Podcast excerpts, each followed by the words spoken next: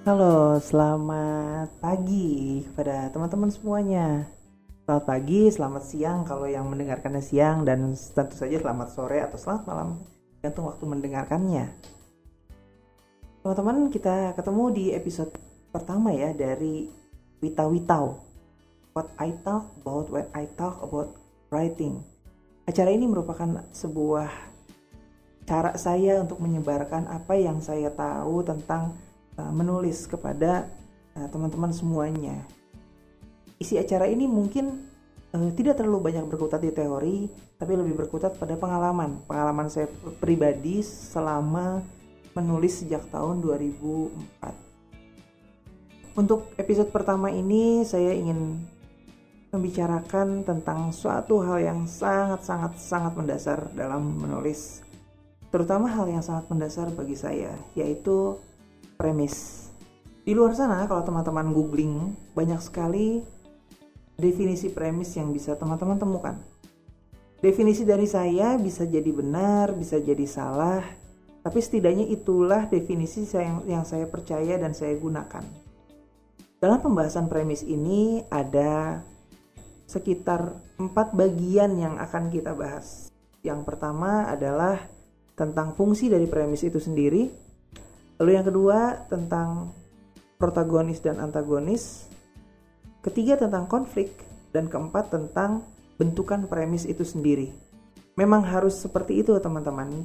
Kalau bicara premis, banyak sekali bagian yang harus ikut-ikut dibahas. Elemen-elemen di dalam sebuah premis memang harus terlebih dulu dipahami agar kita tahu cara menyusun premis yang benar dan premis kita akan bagus. Oke teman-teman, kita mulai.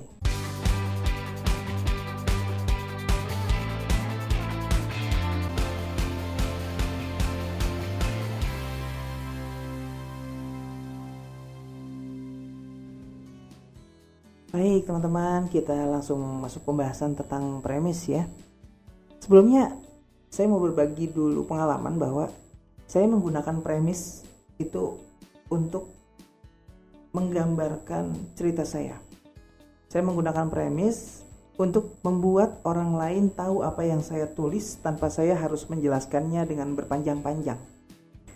Tentunya salah satu beban yang ada di premis adalah bagaimana caranya kita supaya bisa menyingkat cerita kita hanya dalam satu kalimat, tapi ceritanya tetap harus terdengar menarik. Nah, ini yang akan kita pelajari, ini yang harus terus-menerus diasah.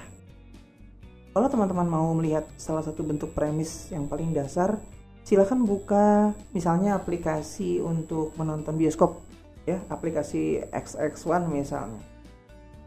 Seringkali informasi tentang film-film yang ada di sana itu disajikan dalam gaya premis.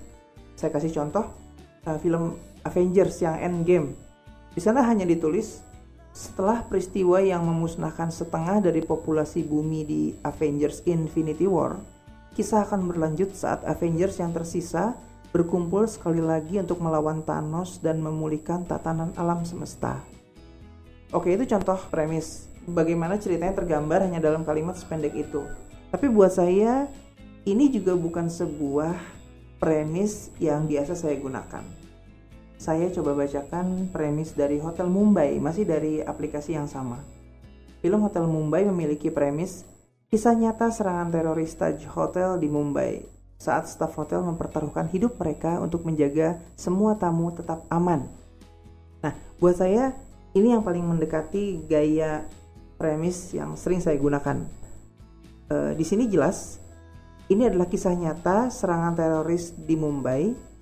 Konfliknya apa? Yaitu staf hotel mempertaruhkan hidup mereka. Untuk apa? Untuk menjaga semua tamu tetap aman. Jadi inti ceritanya tergambar, tokoh-tokohnya tergambar juga apa yang mereka lakukan, yaitu mempertaruhkan hidup mereka, dan goal mereka juga tergambar, yaitu menjaga semua tamu tetap aman. Paling tidak ini yang biasanya ada di premis. Kalau memang bentuk premis bisa bervariasi, Lalu bagaimana cara membuat sebuah premis dasar?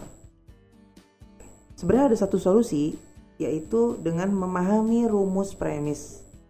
Seperti kita tahu dalam rumus itu biasanya ada eh, elemen-elemen, ada A tambah B sama dengan C misalnya. Untuk memahami cara membuat premis, kita akan mulai membahas elemen-elemen yang ada di dalamnya. Rangkaian dalam premis yang biasa saya pakai itu saya dapat saat saya mengikuti Academy for South Asian Filmmakers. Uh, pada waktu itu premis yang diperkenalkan kepada saya adalah someone who needs something and the obstacle is something gitu. Jadi seseorang yang menginginkan sesuatu namun dia mendapatkan hambatan. Premis paling tidak memiliki informasi tentang tiga hal ini. Kalau kita umpamakan rumus matematika, berarti A tambah B tambah C sama dengan X. Di mana A adalah elemen protagonis, B adalah keinginan protagonis itu sendiri, dan C adalah antagonisnya. Ketiga elemen itu menghasilkan X atau konflik ngebahas rumus bikin pusing ya kita masuk lagu dulu aja mungkin biar agak lebih tenang nih pikiran gak terlalu pusing kalau di Witau-Witau saya akan membuat selingan-selingan lagu di antara materi atau di antara obrolan. Tapi karena siaran ini bukan merupakan siaran lagu maka saya akan memutarkan lagu yang pendek. Sebab ternyata di dunia ini cukup banyak lagu-lagu yang durasinya di bawah satu menit. Saya sendiri membatasi playlist lagu-lagu di Witau-Witau uh, adalah lagu yang 90 detik ke bawah satu menit setengah. Kecuali ada beberapa lagu di atas satu setengah menit yang saya tetap masukkan? Mudah-mudahan dengan lagu-lagu yang saya putar bisa menjadi selingan yang cukup di antara obrolan-obrolan tentang menulis. Untuk kali ini kita akan dengerin lagu dari film Pitch Perfect yang pertama. Kalau yang pernah nonton ini pasti tahu. Ini lagu Party in the USA yang dibawakan oleh The Bar dan Bella. Panjangnya kurang lebih satu menit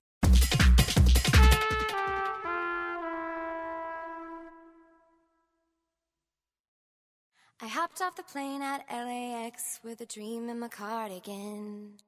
Welcome to the land of fame excess. Am I gonna fit in? I jumped in a cab, here I am for the first time. Look to my right and I see the Hollywood sign. This is all so crazy. Everybody seems so famous. My tummy's turning and I'm feeling kinda homesick. Too much pressure and I'm nervous. That's when the taxi man turned on the radio and the Jay-Z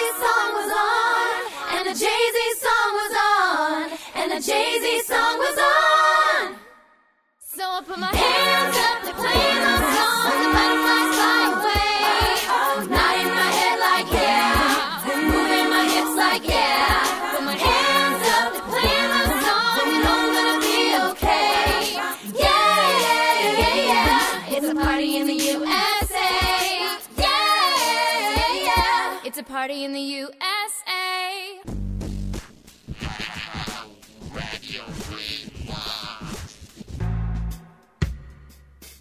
Oke, di segmen sebelumnya kita sudah membahas tentang elemen-elemen yang ada dalam sebuah premis yang kalau diumpamakan dalam sebuah rumus itu bisa dikatakan A tambah B tambah C sama dengan X di mana A adalah protagonis, B adalah keinginan protagonis, C adalah antagonis dan X adalah konfliknya. Untuk membuat sebuah premis yang baik, kita harus bisa memahami elemen-elemen itu dulu dengan benar. Dan di segmen ini saya akan coba uraikan untuk teman-teman semua. Baik, yang pertama kita bahas adalah protagonis. Sebagian besar dari kita akan menjawab kalau ditanya seperti ini adalah uh, protagonis itu adalah tokoh baik. Padahal belum tentu. Bagaimana dengan film Joker? Musuh Batman. Bukankah di sana Joker itu tokoh jahat. Atau bagaimana dulu pernah ada film Misteri Kebun Tebu tokoh utamanya Dukun AS Dukun AS adalah uh, orang yang pernah dihukum karena sebuah kejahatan. Jadi protagonis bukan berarti tokoh baik. Di Amerika ada pasangan penjahat namanya Bonnie and Clyde. Sudah banyak film yang mengisahkan kisah hidup mereka. Loh itu kan film tentang orang jahat berarti kan? Artinya jelas teman-teman protagonis bukanlah tokoh jahat jadi apa protagonis? Kalau teman-teman buka KBBI, di sana dibilang protagonis adalah tokoh utama dalam cerita rekaan. Oke, itu berarti adalah definisi yang resminya ya. Kalau saya punya kelanjutannya. Bukan berarti definisi di KBBI itu salah, tidak. Tapi saya ingin lebih menjelaskan protagonis adalah tokoh utama yang memiliki cita-cita, memiliki goal, memiliki tujuan dalam cerita itu. Keinginan, goal, atau tujuan dari protagonis inilah yang menjadi alasan kenapa sebuah cerita ditulis. Ini yang sebenarnya ingin kita sampaikan bahwa ada seseorang yang ingin mendapatkan sesuatu. Apakah dia akan mendapatkan sesuatu itu? Itu kan yang sebenarnya dicari oleh pembaca. Tapi dari awal kita harus tegas dulu bahwa ada seseorang yang ingin meraih suatu tujuan, ingin mencapai sebuah goal tertentu. Nah, lawan dari protagonis adalah antagonis. Menurut KBBI, antagonis adalah orang yang suka menentang atau tokoh dalam karya sastra yang merupakan penentang dari tokoh utama. Kalau kita sambungkan dua hal ini, yaitu protagonis dan antagonis, maka jelas protagonis adalah tokoh yang memiliki goal atau tujuan di dalam cerita, dan antagonis adalah tokoh atau orang yang menghalangi dia, yang menentang dia untuk mendapatkan atau meraih cita-citanya. Jadi antagonis juga belum tentu tokoh jahat, lihat dulu di cerita itu tokoh utamanya punya tujuan apa dan siapa yang menghalanginya. Yang tidak boleh dilupakan adalah unsur need atau motif dari kedua tokoh itu. Jadi ketika kita membuat tokoh protagonis dan antagonis, itu pastikan mereka itu punya motif untuk melakukan hal tersebut. Tokoh protagonis punya motif untuk mengejar sebuah cita-cita. Dan tokoh antagonis juga punya motif untuk menghalanginya. Jadi bukan sekadar ah ingin menghalangi deh gitu. Tapi harus ada motifnya. Harus ada tujuan yang dicapai. Nah kan berarti ada dua tujuan yang uh, bentrok nih. Tujuan atau goal atau need si protagonis juga need si uh, antagonis. Nah di sinilah momen di mana protagonis dan antagonis uh, beradu, mereka harus bertempur. Di sinilah konflik dimulai. Sudah bahas protagonis, lalu kita bahas antagonis. Harusnya kita bahas konflik ya sebagai elemen ketiga. Tapi kayaknya nih teman-teman saya mau minum dulu, jadi kita jeda lagu dulu aja. Lagunya saya pilih yang pendek dari film Glee, Say a Little Prayer, panjangnya cuma 50 detik cukuplah kayaknya buat minum dulu ya. Jangan ke mana-mana ya teman-teman.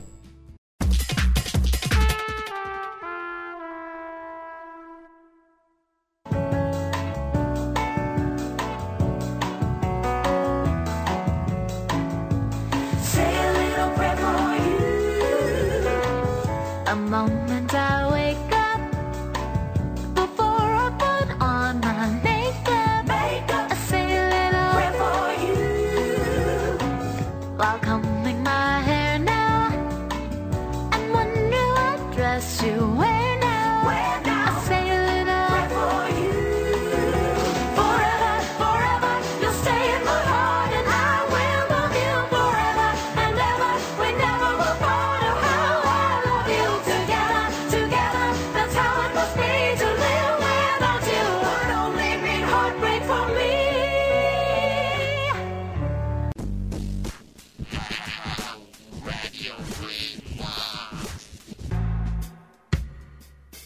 teman-teman itu dari film Glee. Saya sendiri jujur aja belum pernah nonton filmnya. Mungkin kalau ada yang pernah nonton filmnya ngerti ya lagu itu diambil di momen apa. Saya nggak kebayang dari tadi itu lagu muncul di mana. Tapi memang durasinya cuma 50 detik ya. Oke kita lanjut lagi pembahasan kita. Kita sudah tahu apa itu protagonis. Kita sudah tahu apa itu antagonis. Kita tinggal bentuk premis berdasarkan dua elemen itu. Salah satu contoh premis yang paling dasar Seorang anak laki-laki ingin permen, dia pergi ke warung, tapi di jalan bertemu anjing yang mencegatnya. Itu adalah premis. Jelas elemennya. Ada protagonis, anak laki-laki, yang punya goal, goalnya adalah ingin permen, ingin mendapatkan permen, tapi dia dihalangi oleh antagonis yaitu seekor anjing. Perjuangan anak itu untuk melawan anjing sehingga dia bisa tetap meraih goalnya itulah yang akan dinikmati oleh pembaca. Perjuangan protagonis mengalahkan antagonis itu yang dinamakan konflik. Makanya saya tadi bilang A tambah B tambah C sama dengan X, di mana X itu adalah konflik. Kita bicara konflik berarti harus jelas dulu siapa tokoh yang punya goal, lalu goalnya apa, lalu apa yang menghalanginya. Makin berat penghalangnya dan makin keras usaha tokoh itu untuk menghancurkan si penghalang, cerita akan makin menarik.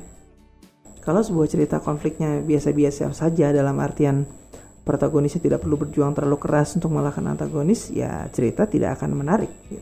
Perkara nantinya protagonis tidak mencapai cita-citanya atau dia punya cita-cita uh, lain di tengah cerita itu beda urusan. Itu beda lagi. Nanti kita akan membahas soal itu. Nanti kita akan masuk review dari semua segmen kita. Buat saya review itu penting karena hal sefundamental premis itu memang ada baiknya terus diulang diulang diulang karena itulah pondasi sebenarnya dari menulis.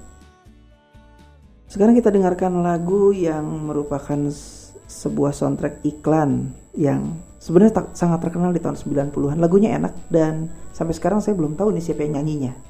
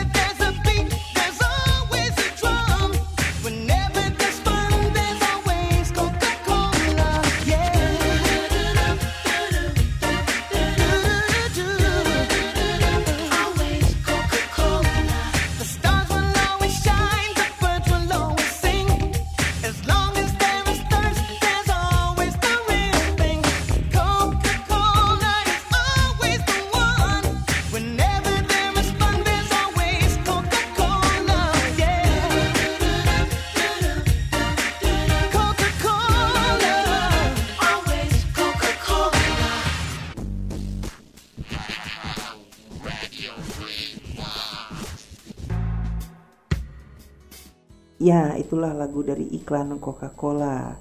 Dulu pas saya masih sekolah sih saya denger dan lumayan enak kan gitu lagunya. Tenang, acara ini tidak disponsori oleh Coca-Cola, jadi itu kayak iklan gratisan aja sih. Saya juga nggak terlalu suka Coca-Cola, saya lebih sukanya Sprite. Oke, sekarang setelah kita membahas tentang elemen-elemen premis, tentang bentukan premis, kita akan melakukan review dan sekaligus membahas satu hal yang paling penting. Tujuannya apa kita capek-capek bikin premis? Karena bikin premis itu kadang lebih sulit daripada menyusun ceritanya loh teman-teman. Premis seperti yang saya sebut di awal tadi itu adalah cara kita untuk uh, menyampaikan cerita kita ke, ke ke orang lain secara singkat hanya dalam satu kalimat tapi bisa tetap menarik. Definisi orang lain bukan cuma teman atau tetangga atau orang tua atau kakak adik atau pasangan. Bisa lebih jauh dari itu pihak penerbit, editor, agen naskah misalnya. Bagaimana mereka yang sudah profesional di bidang penerbitan yang mana setiap hari menghadapi tumpukan naskah.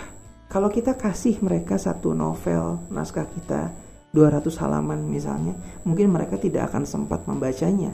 Apalagi kalau kita belum terkenal. Makanya kita perlu sebuah alat, sebuah tools untuk membuat mereka mau mendengarkan kita dalam waktu sangat singkat sekaligus mereka tertarik. Kita review lagi, rumusnya adalah seseorang yang menginginkan sesuatu tapi mendapatkan hambatan. Poin satu adalah seseorang, poin dua adalah apa yang dia inginkan, dan poin tiga adalah hambatannya. Kalau kita umpamakan rumus matematika, berarti A tambah B tambah C sama dengan X, di mana A adalah elemen protagonis, B adalah keinginan protagonis itu sendiri, dan C adalah antagonisnya. Makin kuat goalnya dan makin kuat hambatannya, pembaca akan mungkin kita suguhkan sebuah konflik yang hebat. Karena di situ protagonis tadi harus melawan antagonis yang kuat untuk mewujudkan sebuah gol yang hebat. Makin lemah gol yang ingin dia capai, makin tidak menarik ceritanya. Apalagi kalau antagonisnya juga lemah. Maksudnya lemah tuh cuma disentil sedikit sudah kalah gitu. Loh, kalau gitu sih ya ceritanya tidak akan ke mana-mana. Teman-teman, saya secara pribadi merasa bahwa pemahaman kita akan premis itu membuat kita bisa menyusun kerangka cerita yang bagus juga. Lanjutannya ini nanti ke kerangka cerita. Yang pasti dari awal kita sudah punya materi berupa protagonis yang bagus, goal yang kuat dari protagonis itu dan terakhir adalah antagonis yang betul-betul bisa menghalangi tokoh utama tadi mewujudkan cita-citanya atau goalnya. Demikian pembahasan kita soal premis. Mudah-mudahan ini bisa jadi dasar buat teman-teman yang ingin menulis. Setidaknya materi saya yang pertama ini mungkin akan terus saya ulang karena buat saya premis ini sangat fundamental sangat menjadi pondasi dari sebuah cerita yang bagus. Demikian teman-teman, selamat menulis, jangan takut buat mencoba sudut pandang baru dalam cerita. Terima kasih.